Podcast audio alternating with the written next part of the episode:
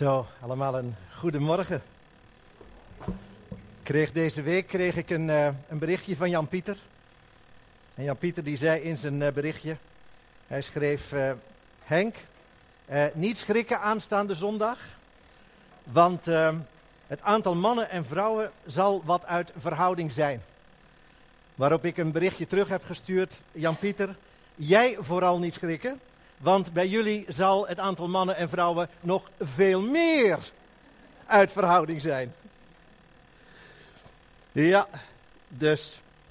Maar uh, ze zullen daar een goede tijd hebben met elkaar. Daar, zijn we, daar zijn we zeker van. Um, wie vooral geschrokken is, dat ben ik. Toen ik realiseerde hoe vroeg dat ik uit mijn bed moest. Deze ochtend. Nou, nog één, één vooropmerking voordat we aan de preek beginnen. Jullie weten toch waarom dat jullie mannen juist dit weekend hebben gekozen om op mannenweekend te gaan. Waarom juist dit weekend? Weten jullie dat? Zodat ze een uur eerder terug zouden zijn bij hun vrouwen. ja, dat geloof je toch zelf niet, hè?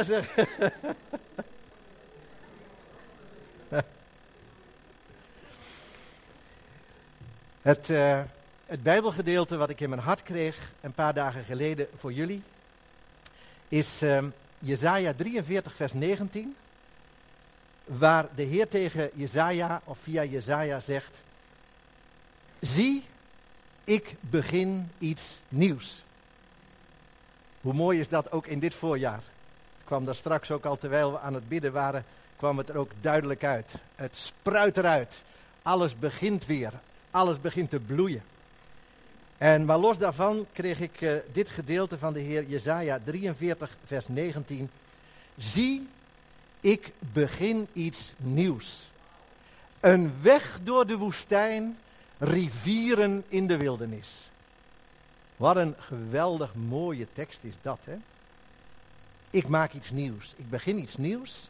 Een weg door de woestijn, rivieren in de wildernis ik, ik, hoop dat tijdens de preek die nu gaat komen, hoop ik dat jullie dat gedeelte dat je voelt en dat ook ik dat bemerk terwijl ik spreek, terwijl ik spreek, dat dat gedeelte ook in die prediking, dat dat telkens terug naar voren komt. Dat nieuwe begin, rivieren in de wildernis, een weg door de woestijn. We gaan straks op het eind van de preek gaan we ook uh, avondmaal met elkaar vieren. En de preek mag ook een aanleiding, mag ook een inleiding zijn op het, uh, op het avondmaal. En ik wil nu al iets zeggen over het avondmaal. Toen Jezus een jaar of zes was, zeven jaar was, acht jaar, negen jaar, tien jaar, elf, twaalf, dertien. Dan zat hij met Pasen, zat hij bij zijn ouders aan tafel, bij Jozef en Maria. En zijn broers, zijn zussen, zijn jongere broers, zussen, die zaten er allemaal bij. En elk jaar, als het Pasen werd met pa Pascha, dan vertelde Jozef wat er heel lang geleden gebeurd was. Dat op een dag dat God het volk samen met Mozes uit de slavernij had gevoerd uit Egypte. En Jezus hoorde dat elk jaar, hoorde hij dat opnieuw. En op een bepaald moment begint Jezus zichzelf daarin te herkennen. Hij begint zich te herkennen in dat paaslam. In dat lam dat daar wordt geslacht, juist voordat ze met hun gezinnen, dat hele volk, het land Egypte verlaat. Weg van de slavernij. Jezus begint zich daarin te herkennen. En hij begint zich te herkennen in Mozes. Hij begint zich te herkennen in Mozes, die het volk samen met God vanuit die slavernij heeft gered. En Jezus heeft dat meegenomen. Toen hij 14, 15, 16, 18 werd. En toen werd hij 30. En toen begon hij aan zijn openbare bediening. En toen was hij bijna 33. En toen was het moment gekomen dat hij naar het kruis zou gaan. En juist voordat Jezus naar het kruis gaat, geeft hij Pascha, Pasen, een nieuwe betekenis. Vanuit die herinnering, wat God toen gedaan had, vanuit dat bijzondere overgangsmoment, vanuit de slavernij naar de vrijheid toe, vanuit dat moment waar Jezus zichzelf in herkend had, gaat hij nu dit een nieuwe betekenis geven. Juist voordat hij naar het kruis gaat, zijn apostelen bij hem en hij zegt, dit is mijn lichaam. Ik ben dat paaslam. Dit is mijn lichaam dat voor jullie gegeven zal worden. En mijn bloed dat zal vloeien. En het zal zijn tot vergeving van jullie zonden. En nu herkennen wij onszelf in wat daar gebeurd is. Jezus herkende zichzelf in Mozes en in dat ongelooflijk belangrijke overgangsmoment vanuit slavernij naar vrijheid. Ook toen zongen ze al, de Israëlieten, I'm no longer a slave of fear. Ik ben niet langer een slaaf van angst. En nu herinneren wij ons elke keer weer opnieuw, gaan wij terwijl wij brood en wijn vieren, gaan wij terug in onze geest, in ons ziel, in ons gedachten, gaan wij terug naar dat moment wat Jezus daar is begonnen. En nu herkennen wij onszelf in die vergeving en die vrijheid. Amen. En dat wil ik graag als begin, wil ik dat even naar jullie noemen. Want iedere keer als, als wij dit vieren, met de nadruk op vieren, dan vieren wij dat nieuwe begin. Zie, ik maak iets nieuw. En dat nieuwe, dat mogen wij telkens op, iedere keer opnieuw, al 42 jaar, dan iedere keer denk ik, wow, er was een dag dat Jezus zei, mag ik de Heer zijn van jouw leven? Wil jij een kind van God worden? En die dag die vier ik nog altijd, al 42 jaar. Elke keer opnieuw ga ik terug in mijn herinnering. Wat een kostbaar moment en wat goed om daar ook naar terug te gaan. Doe je dat wel eens? Teruggaan naar dat moment dat, en het je weer even voorstellen. Een paar weken geleden was Matthias predikte hier en mijn twee dochters, Jessica en Natasja, die waren mee. En ik had een paar weken daarvoor, had ik Matthias daar mee naar dat zaaltje genomen. En ik zei, kijk Matthias, hier, in deze hoek, daar. Daar stond een bad. En daar ben ik met Karin samen in het bad, met Wim van den Berg als doper. Daar is het gebeurd. En dan was die, vorige week zondag waren ze dan hier en Jessica en Natasja waren mee. En dan heeft Matthias hun meegenomen. Hij heeft gezegd, kijk, jullie papa is hier gedoopt. En even later stond er een foto op Facebook. En Rara, waar is dit? En ik, ik onmiddellijk, ah, dat is de plaats waar ik gedoopt ben. Zo kostbaar om die momenten, Iris, je haalde het net zelf ook even aan. Zo kostbaar om die momenten, om die te koesteren, aan terug te denken. En deze ochtend wil ik met jullie het belang van beginmomenten. Die beginmomenten, die belangrijke momenten in je leven, die momenten die die gevierd moeten worden. Daar wil ik het met jullie over hebben. Het grote belang daarvan. Ook in de crisismomenten van je leven. Dus ik ga met iets komen wat, ja, dat heeft mij ook lang gekost om dat te beseffen. En vandaag gewoon ook, nu, nu is dat helemaal in mij geïntegreerd, nu kan ik dat ook gewoon zeggen. Vier ook de crisismomenten in je leven. Nou, dat klinkt heel raar als ik dat, uh, dat zeg. Ik zal meteen een, voorbeeldje, een voorbeeld geven. Neem nu de, de geboorte van een kindje. Ik heb juist, juist mijn achtste kleinkind gekregen. Hè, hop, weer op Facebook. Achtste kleinkind. Livia. Oh, prachtige naam. Livia. Begin deze week. Afgelopen maandag zijn Karen en ik zijn op bezoek gegaan. Onze jongste zoon Joshua en zijn lieve vrouw Steffi hebben een eerste kindje gekregen. Livia. En je stapt dat ziekenhuis binnen en je ziet daar een overgelukkige papa en mama. En Joshua die koestert dat kindje, die kan, hem kan, er bijna niet meer afstaan. Uh, zelfs niet aan ons. Nee, ik, ik hou haar toch maar liever even gewoon vast, zegt hij. Want weet je wel, zo, wow, dat, dat overgelukkige, beschermende. En dan praat je zo een klein beetje over hoe die bevalling gegaan is. En dan zegt Karin, die zegt plotseling, ja, Steffi en Joshua. En nu op naar het tweede kindje. Wel, dat is echt verkeerde moment hè, om dat daar te zeggen. Echt verkeerde moment. Waarop Steffi zegt, nooit meer. Letterlijk, nooit meer.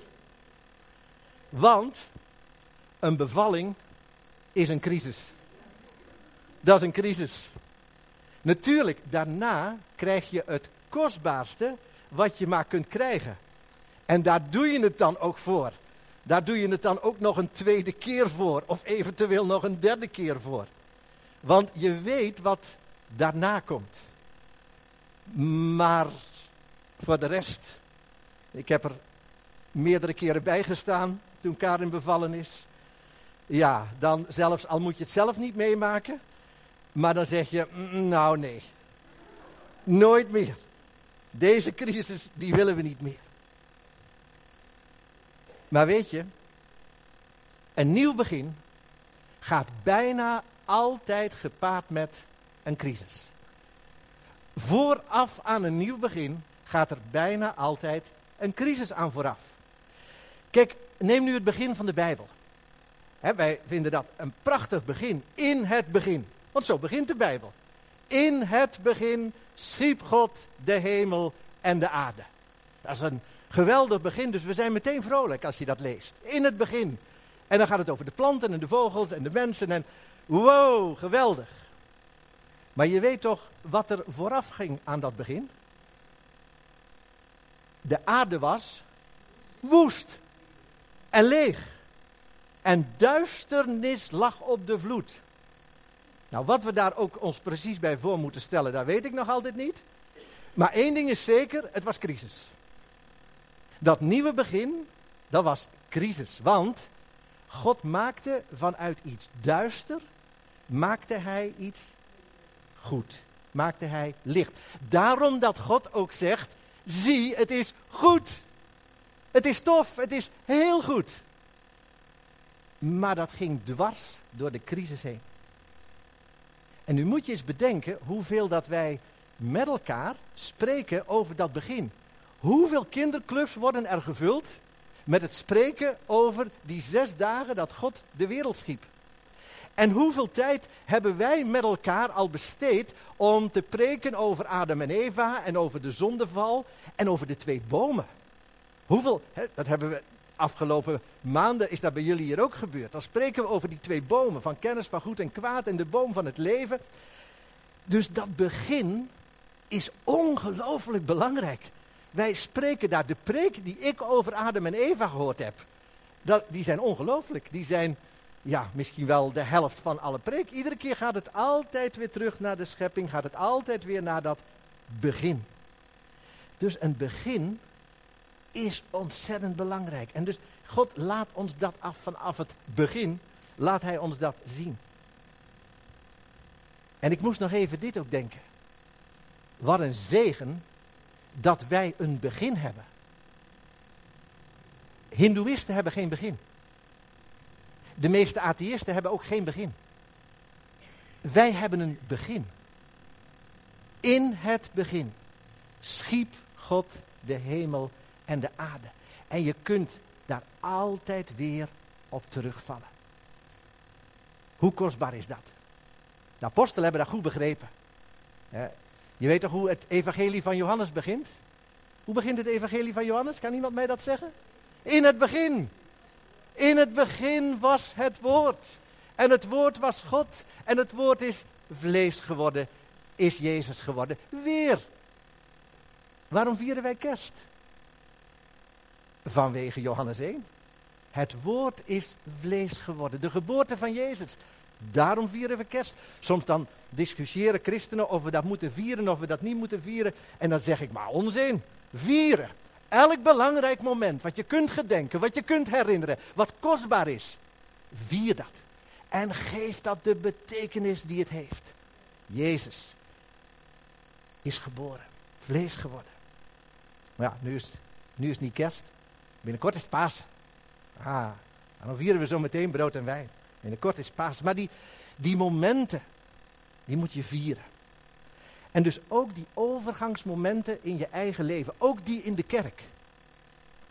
toen wij één jaar kerk waren in Londerzeel, hebben wij dat groots gevierd.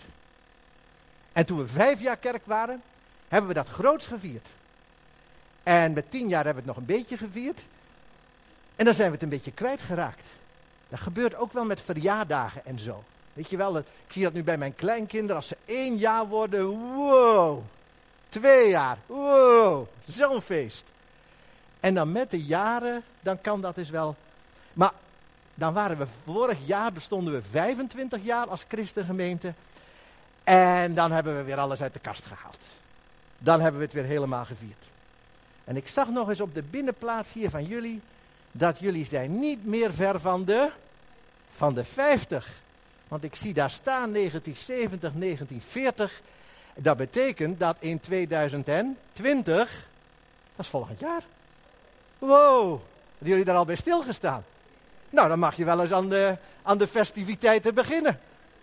Zet maar al een feestcomité klaar. Want 2020, dat is 50 jaar. Ja, dat vier je mensen. Dat vier je met elkaar. Maar ook de crisismomenten. Ook de crisismomenten, die moet je in herinnering houden. En natuurlijk, ik weet wel, wij vinden crisissen verschrikkelijk. En die willen wij zo snel mogelijk vergeten. En dat is niet goed. Ik zal je daar ook een, een ernstig voorbeeld van geven. Vele jaren geleden hadden wij vrienden en er was een voorgangerskoppel. En ze hadden al twee kindjes en hun derde kindje kwam. En hun derde kindje stierf aan wiegedood. En weet je wat zij gedaan hebben? En dat was onder invloed van hem, van de, van de man. Wat ze gedaan hebben, ze hebben onmiddellijk alle foto's, alles wat er was aan de herinnering, dat hebben ze meteen weggedaan. En op dat moment, ik, Karin en ik, wij hoorden dat en, en dat voelde heel slecht, dat voelde helemaal niet goed. Maar jaren later raakte zijn vrouw raakte helemaal in depressie. En uiteindelijk kwam naar boven toe dat het was omdat dit was zomaar abrupt van haar weggenomen. Er was geen, geen, geen mogelijkheid geweest om dit een plaats te geven, om dit te verwerken. Dit mocht eigenlijk niet bestaan. En zo is het dikwijls in onze levens. Negatieve dingen mogen niet bestaan. En dan gaan we dat uitproberen te wissen. Dan gaan we dat uitgommen. Maar dat kan niet, lieve mensen. Je kunt dat niet uitwissen. Elke crisis waar je doorheen gaat, die kun je niet uitgommen. Dat kun je niet vergeten. Je kunt het proberen uit je geheugen te halen, maar het blijft in je ziel. Het blijft in je herinnering. Het blijft in je, in je geest. En crisissen zijn juist zo waardevol. Want uit een crisis kun je één, heel veel leren voor de toekomst. En vergeet dit niet. Dat God juist heel dichtbij is als je in de crisis bent. Juist dan ervaar je, God is altijd dichtbij, maar je hebt hem dan ook extra nodig. En dan gebeurt er iets waardoor je achteraf zegt, God was zo dichtbij. Nou, dat wil je toch nooit vergeten? Dat moet toch in je geest, in je herinnering, dat moet toch in je ziel geplant zijn? En daarom die crisismomenten, duw ze niet van je weg. Maar neem ze zoals ze zijn. Het woord uh, crisis wordt in het Nieuwe Testament heel veel gebruikt. Het is een Grieks woord. Hè? Crisis is een, is een Grieks woord. En weet je hoe dat woord altijd vertaald wordt? Met welk woord? Weet iemand dat? Hoe wordt het woord crisis altijd vertaald in het Nieuwe Testament? Iemand die het weet? Oordeel. Oordeel. Dus als er in 2010 een bankencrisis was, om nu maar eens een voorbeeld te geven, dan was dat een oordeel. En dan zeggen jullie meteen, ah, je bedoelt een oordeel van God? Dat kan. Maar crisis betekent in het algemeen gewoon een oordeel. Dus dat betekent, en dat voelen mensen dan ook. Want plotseling is het leven niet meer hetzelfde en ze willen dat ook helemaal niet. En ze zijn bang dat de welvaart in het gedrang komt enzovoort enzovoort. Maar een crisis betekent gewoon letterlijk oordeel. En dat willen we niet. Nu begrijpen jullie ook waarom wij, wij, willen geen crisis, want wij willen geen oordeel. dat, dat, dat, duwen, we, dat we van ons af. Dat, wij willen geen oordeel in ons leven. Maar crisissen, oordelen, duwen ons dikwijls juist richting een nieuw begin. Nu moet je misschien nog een keertje herpakken, nog een keer luisteren. Crisissen duwen ons dikwijls richting een nieuw begin. Neem nu maar het voorbeeld van de bevalling. Dat kindje dat wordt geduwd. Dat is een crisis. Dat is een oordeel. In bij oordeel komt altijd scheiding. Komt een enorme verandering. Heb wel eens, wel eens bedacht wat een kindje meemaakt als die geboren wordt? Die komt vanuit het duister in het licht. Die komt Aan de andere kant, ook vanuit een beschermde omgeving, komt hij in een totale nieuwe wereld. Waarin hij zijn handjes alle kanten op kan slaan. Terwijl dat in die beschermde baarmoeder helemaal niet kon. Dus er gebeurt van alles op het moment dat je. En dat is crisis. Dat is oordeel. Dat zal ook zo zijn op het moment dat ik mijn aardse lichaam verwissel met het hemelse lichaam. Dat is crisis. mensen zeggen ook altijd van nou, als ik sterf, ik hoop dat, dat ik het zelf niet meemaak. Weet je wel, dat ik zo weg ben zo van het ene moment op het ander. Want vooral die tijd, ik, ik ben niet bang voor de dood, zeggen mensen dan, maar die tijd daaraan vooraf, ja, dat is crisis. Voel je, daar heeft het dus mee te maken. Je gaat naar een nieuw begin. Dus heel veel dingen die wij meemaken in het leven zijn dus echte bevallingen. En gisteren, ik zei, Karin zei Henk, waar ga je over preken morgen? En ik vertelde daar een beetje over. En Karin is nu aan het preken in Londerzeel. Hoe mooi is dat? Ik hier, zij daar. En ik vertelde zo wat ik ging preken. En zo hoorde het woord bevallingen. En ze zei, Henk, dit moet je zeker zeggen morgen tegen de kerk in Commercie. Zeg maar tegen ze dat ik, Karin, ik heb bij mijn bevallingen, het is toch vooral een vrouwensamenkomst ook hier, hè, dus ik heb bij mijn bevallingen ja gezegd tegen de weeën. Want, zegt ze, ik dacht toen al, het gaat toch pijn doen. Het gaat toch verschrikkelijk pijn doen. Dus kan ik er beter ja tegen zeggen dan mij te verzetten. Wow, dat was de eerste keer dat ik dat zo van haar hoorde. Ik dacht, misschien heb jij daarom ook van die snelle bevallingen gehad. Ja, bij onze, bij onze jongste zijn we bijna niet in het ziekenhuis geraakt. Daar moest zij zich spoeden om naar de verloskamer te gaan, want anders dan was die er, was die er al. Dus zeg ja, ook in de crisis. Kun je er iets bij voorstellen? Nou, nu even niet bij die bevalling, maar jouw eigen crisissen, jouw eigen momenten. En Karin die zei dit ook nog. Als ik dan, als het moment was, was gekomen van die weeën, dan dacht ik terug aan de vreugde die ik had toen ik de vorige in mijn armen nam. Ik concentreerde me helemaal op dat moment van die toekomst die gaat komen. Hier is, je had het erover. Die toekomst die gaat komen. Dankbaar zijn al voor de toekomst. Straks dan heb ik dat kindje in mijn armen. En terugdenken naar dat moment toen dat voor de eerste keer gebeurde. Nou, dat is eigenlijk de essentie van wat ik met jullie wil delen deze ochtend. Teruggaan naar die belangrijke momenten. En terwijl ik hierover nadacht deze week, realiseerde ik me dat ik dat zelf ook heel veel doe.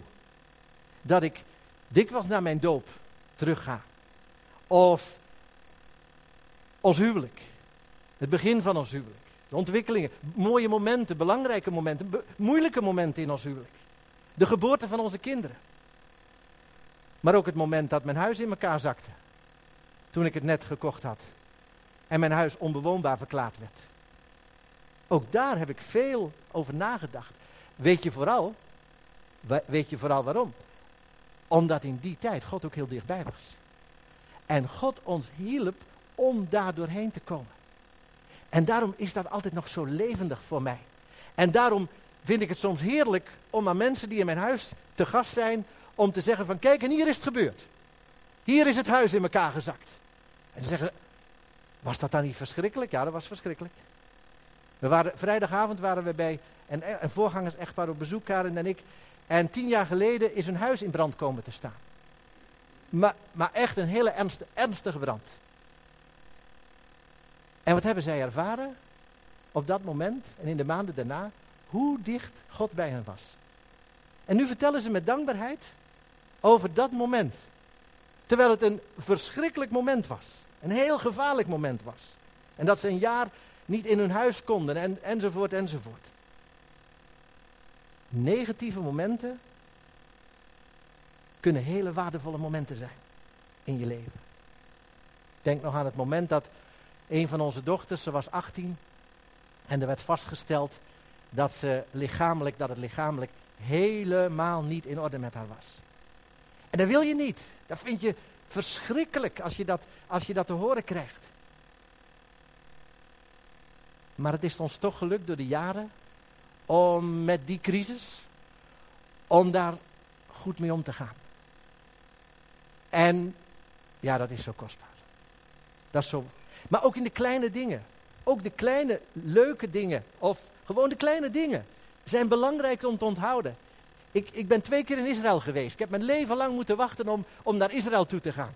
En op een dag in 2013 en 2015 was het zover. Ik had mijn hele leven lang gepreekt over Israël en over Jezus die daar rondwandelde en over al die plaatsen.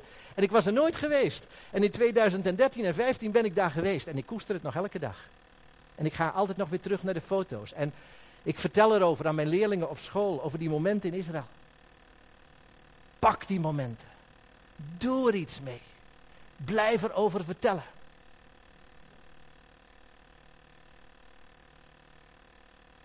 Wat zijn jouw momenten?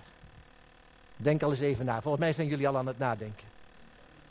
Wat zijn mijn momenten? Iris heeft ons ook helemaal, heeft de weg al gebaand.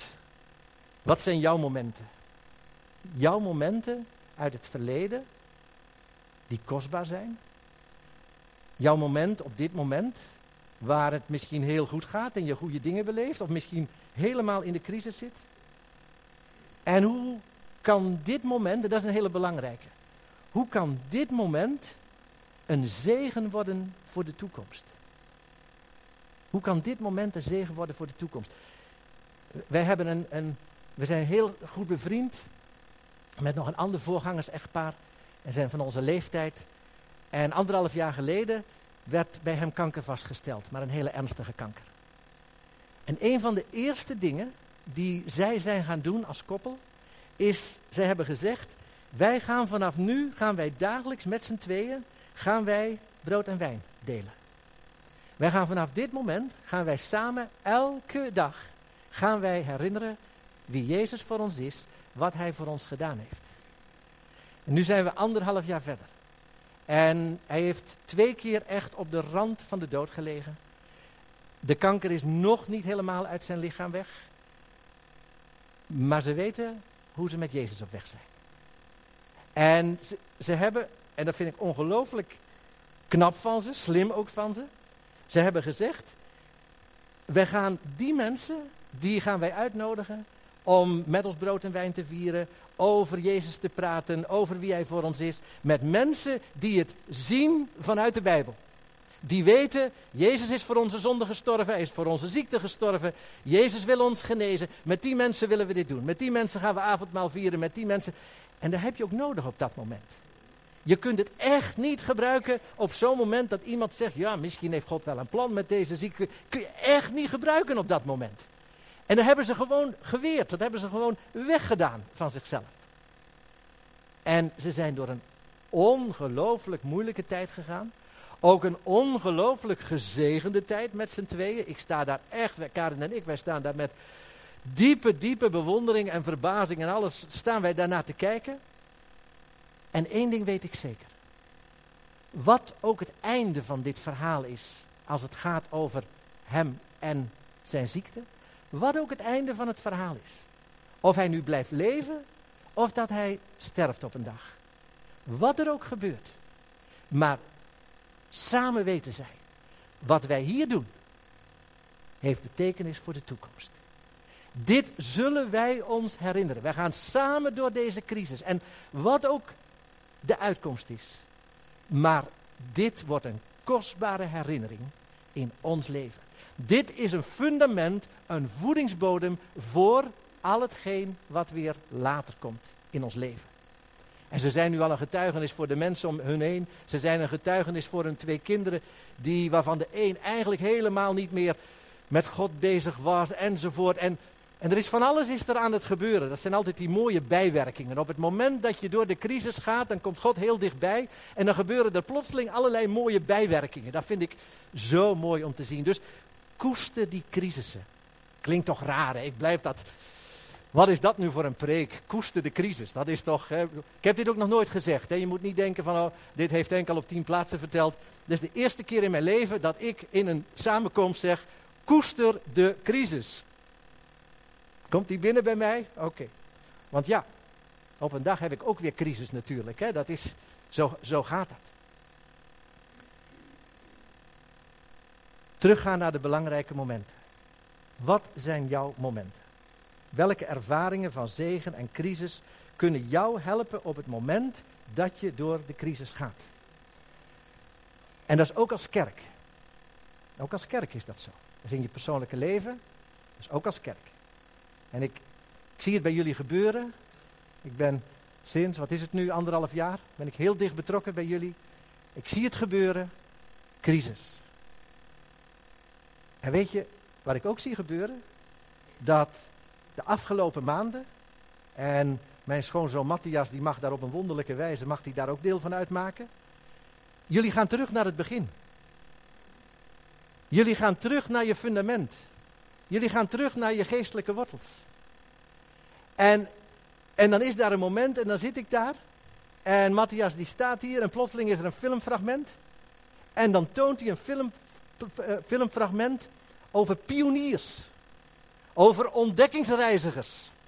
Over mensen die het avontuur zijn aangegaan. En ik, ik kijk daarna en ik denk, maar dat is knap.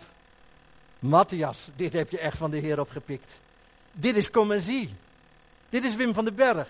Dit is de familie van de Dussen. Dit, dit, is, dit is die pioniergeest. Dit is het. Dit is dat avontuur. Dit zijn die ontdekkingsreizigers. En ik, ik zie, en ik zie die fragmenten. En misschien dat een aantal van jullie waren, die waren er zeker bij. Ik kreeg de tranen van in mijn ogen. Het ontroerde mij enorm. En dan zit ik daar.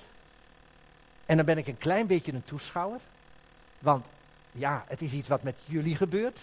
En ik ben daar wel deel van. En het is ook heel diep door mij heen gegaan. Dat mag ik echt zeggen. Vorig jaar, mannekes toch. Ik had het, ik had het ook zwaar te verduren. Maar goed, jullie zitten, zaten er zelf middenin. Ik ga dan altijd weer, hè, ik ga weer terug naar huis toe. Dus in een bepaald opzicht ben ik een, een buitenstaander. Ik kijk ernaar. Maar dan zit ik daar en dan geeft Matthias die geeft de ruimte dat we met elkaar, dat we God zoeken en dat we God vragen om iets tegen ons te zeggen. En ik zit daar gewoon te genieten en ik zeg, Heer, heeft u mij ook nog iets te zeggen? Dan, maar ik hoor op dat moment niks. En plotseling heeft Neeltje, die heeft een bijbeltekst. Hebreeën. En dat is dan wel net onze huwelijkstekst. En op dat moment dan realiseer ik mij dat ook God mij dan weer even terugbrengt naar het begin. En ik ben dan ook meteen, het was al veel te laat dat ik hier nog naar voren toe kwam, die donderdagavond. Iedereen stond al met zijn jas aan, zo van, waar komt Henk nu nog mee? Maar ik kon het niet laten. Ik moest even naar voren toe om te zeggen, mensen, dat is mijn huwelijkstekst. En, en, en die heeft Wim van den Berg in deze Bijbel geschreven. Hier, daar, kijk, daar staat het. WK van den Berg. Ja, ik kon het niet laten. Ik moest al toen, en ik, kon, ik kan het nu ook weer niet laten. Ik moet dat even kwijt, want hoe bijzonder is dat? Jullie gaan terug naar het begin. En, en God brengt mij dan ook weer even terug naar, naar het begin. En daar zie je dus ook aan hoe belangrijk God het begin vindt. Daarom begint de Bijbel ook met in het begin. God vindt het begin en het nieuwe begin en de doorgangsmomenten. De Bijbel is vol met crisismomenten. Vol met momenten waarin mensen van de ene situatie naar de andere gaan. En dat gaat gepaard met, met crisis, met oordeel.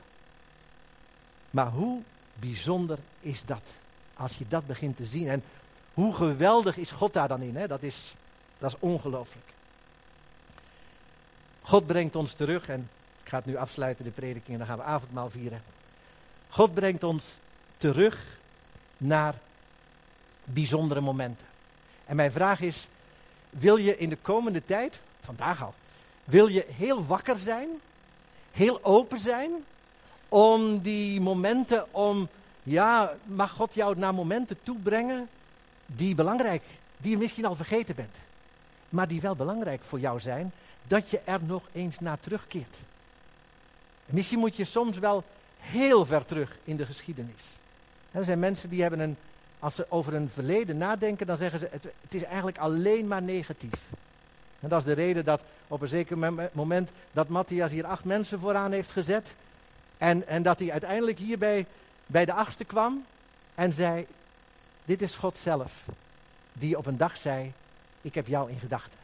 Soms moet je heel ver teruggaan om een moment te vinden in je leven waarin je van kunt zeggen, dat was nu echt een goed begin. En sommigen hebben dat. Sommigen moeten heel ver teruggaan. Wat een zegen dat ook daar een begin is. En dat Mattie ons, dat, ons daarop geattendeerd heeft. Voor mij was dat ook heel bijzonder om te realiseren. Er is een moment geweest dat God zei: Henk, ik heb jou al in gedachten. Ik weet dat jij er op een dag gaat zijn. En Henk, ik heb goede plannen met jou. Ik, ik heb er zin in om dat leven met jou, om dat te gaan. Wow, soms heb je dat nodig. Om helemaal terug te gaan naar dat aller, allereerste begin. Maar gedenk dus de momenten. En vier ze. Kijk, bij Neeltje had die bijbeltekst hè, van, over ons huwelijk. En dat gebeurt dan ook nog eens net op het moment dat we 40 jaar getrouwd zijn dit jaar. En dat ik net ook een verrassingsfeestje voor Karin had georganiseerd. Waar ze niks van wist. En waarvan Karin had gezegd, Henk, als je ooit een feestje doet voor mijn 60ste, nodig dan 60 vrouwen uit. En het is me gelukt. Ja, 58 vrouwen met Karin inclusief. En nog twee meisjes in de buik. Ja, echt waar. Precies 60. Twee zwangere vrouwen en 58. Samen 60. En ik had een evenement gemaakt op Facebook. En de eerste die reageerde, is een naam die waarschijnlijk velen van jullie wel kennen, was Karin Korestra. En haar eerste woord wat zij reageerde was reunie. Dat is mooi. Er zijn dingen die je samen hebben beleefd ooit. We hebben met Martin en Karin Korestra, we hebben jaren met hun samen opgetrokken. En dan is er een periode gekomen dat we elkaar eigenlijk nauwelijks meer zien. En in één keer zie je dat het woord reunie. En dan is ze daar ook, op dat feestje van Karin. En dan zingt ze een lied, zoals ze dat vroeger ook altijd samen deed. Dan doet ze daar iets samen, samen met ons. En dan staan we met elkaar te praten. En dan praten we over die mooie momenten die we vroeger met elkaar hadden. Daarom is het zo goed om een reunie te doen. Zie je, dat is ook een, een moment om te vieren. Ik, volgens mij, ik hoop dat ik jullie op allemaal gedachten breng. Vier en herinner. En wees daar wakker voor. Wees wakker voor de nieuwe beginnen die God met jou aan het creëren is. Nou, helemaal tot slot, en dan gaan we avondmaal vieren met elkaar. Ik heb elke week heb ik de zegen dat ik aan 50 leerlingen godsdienstonderwijs mag geven. Dat is een enorme genade. Ik doe dat nu 12 jaar. 50 leerlingen elke week. En de afgelopen maanden had ik heel sterk in mijn hart om heel veel te vertellen over de twee bomen. Want ja, ik hoor er overal van. En het pakte mij, ik dacht, ik ga iets met mijn leerlingen van het derde en het vierde middelbaar, ik ga iets doen met die bomen. Dus ik begin dat te vertellen, op het bord te tekenen. Twee bomen van kennis van goed en kwaad. En de boom van het, van het leven. En alles, alles erbij gehaald wat je, maar, wat je maar kunt doen. En natuurlijk ook die lijstjes van de boom van kennis van goed en kwaad. Goed, goed, goed, goed, goed. Fout, fout, fout, fout, fout. En ik vertel aan mijn leerlingen en ik ga in gesprek met, haar hun, uh, met hun over. En die 15, 16, 17-jarigen, die zijn daar aan het kijken. En, die, en eerst dan denken ze nog, boah, Adam en Eva, oh, begint hij nu toch over? Dat kennen we al, dat verhaal hebben we al op de kinderclub gehoord, zoiets, weet je wel. En in één keer begint het te pakken. Want 15, 16, 17-jarigen, dat zijn clever, die zijn clever, hè, die zijn slim. En in één keer begint dat dus door te dringen. En ik had een aantal van hun, had ik de opdracht gegeven. Ik had het gecombineerd met de twee zonen. Ik had gezegd, jullie maken een opdracht over de twee zonen. Weet je wel, de papa met de twee zonen. Waar die ook, de ene in de boom van kennis van goed en kwaad en de ander ook. En dan de boom van het leven en zo. En ik had gezegd, maak een parallel. Kijk, waar komen, komt het verhaal van de twee bomen overeen met het verhaal van de twee zonen? Oké, dus zij moesten een opdracht doen. Dus deden dat met powerpoints en met alles erop en eraan. En afgelopen donderdag is er een meisje van 16 jaar. En ik had het niet zien aankomen. De dag daarvoor hoor ik voor de eerste keer hoor ik van haar. dat ze zegt, andere leerlingen waren ziek op dat moment, ze was alleen in de klas. En als ze dan alleen in de klas zijn, dan probeer ik wat persoonlijker met hun te praten, wat over hun leven te praten. En ik, heb haar al, ik geef haar al een paar jaar godsdienst. En voor de eerste keer hoor ik dat toen ze vijf jaar was, ze woonde in Afrika, toen ze vijf jaar was, toen zijn haar papa en mama, die zijn de deur uitgegaan. Eh, die gingen op reis en die zijn nooit teruggekomen. En ze had een zusje van negen jaar. En dat zusje die is dan voor haar wat gaan zorgen. Zij was vijf jaar. Ehm, wat eten geven en zo. En dan is de buurvrouw erbij gekomen. En die heeft wat geholpen. En papa en mama kwamen niet terug. En dan hebben ze contact gezocht met België. Want daar woonde een onkel, een oom van, eh, van hun. Een broer, een broer van, van de papa. En die onkel is op vliegtuig gestapt. En die heeft hun opgehaald. En in één keer zaten ze in het vliegtuig. En in één keer was hun leven totaal anders. Totaal andere situatie. En ik, ik zag al die jaren dat ik, dat ik les aan haar gaf, dat ze zo met zichzelf aan het vechten was. En afgelopen donderdag heeft ze in één keer een verhaal op papier. Vier pagina's heeft ze geschreven, heeft ze helemaal voorgelezen. En wat schrijft ze dan? Ze schrijft, ik worstelde zo met mezelf. En ik ging naar de kerk en ik probeerde zo mijn best te doen. En ik, ik wilde ook in het koor zingen. Maar eigenlijk was mijn stem niet goed genoeg. En dat, daar werd ik zo verdrietig van. En ik probeerde zo. En, en, maar dan ben ik op een bepaald moment ben ik eigenlijk allemaal foute dingen gaan doen. Want, want het lukte mij toch niet in de kerk. De anderen deden het allemaal veel beter. Maar, nou toen kreeg ik, bijna, toen kreeg ik letterlijk de tranen in mijn ogen. Toen kreeg ik deze lessen van meneer Troost. Beter gezegd, van de Heilige Geest zelf. Toen kreeg ik deze lessen. En nu is er iets gebeurd met mij.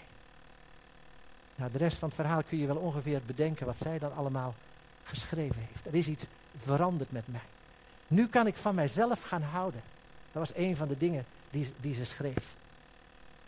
En we zitten daar met elkaar. En ze heeft haar verhaal heeft ze, heeft ze klaar. En een van de medeleerlingen die zegt, heel spontaan, die zegt, wow, dit is een mijlpaal in jouw leven. Hier zul jij altijd op kunnen terugvallen. Nou, ik zat daar naar te kijken. Ik dacht, dit is mooi. Mooier kan het niet. Dit is geweldig. Jezaja 43, vers 19. Zie, ik maak een nieuw begin. Je kunt het al zien, zegt Jezaja. Je kunt het al zien. Je kunt het ontkiemen, kun je al zien. Wat een mooie boodschap in de lente. Je kunt het al zien. Een weg door de woestijn. Rivieren in de wildernis. We gaan avondmaal vieren met elkaar.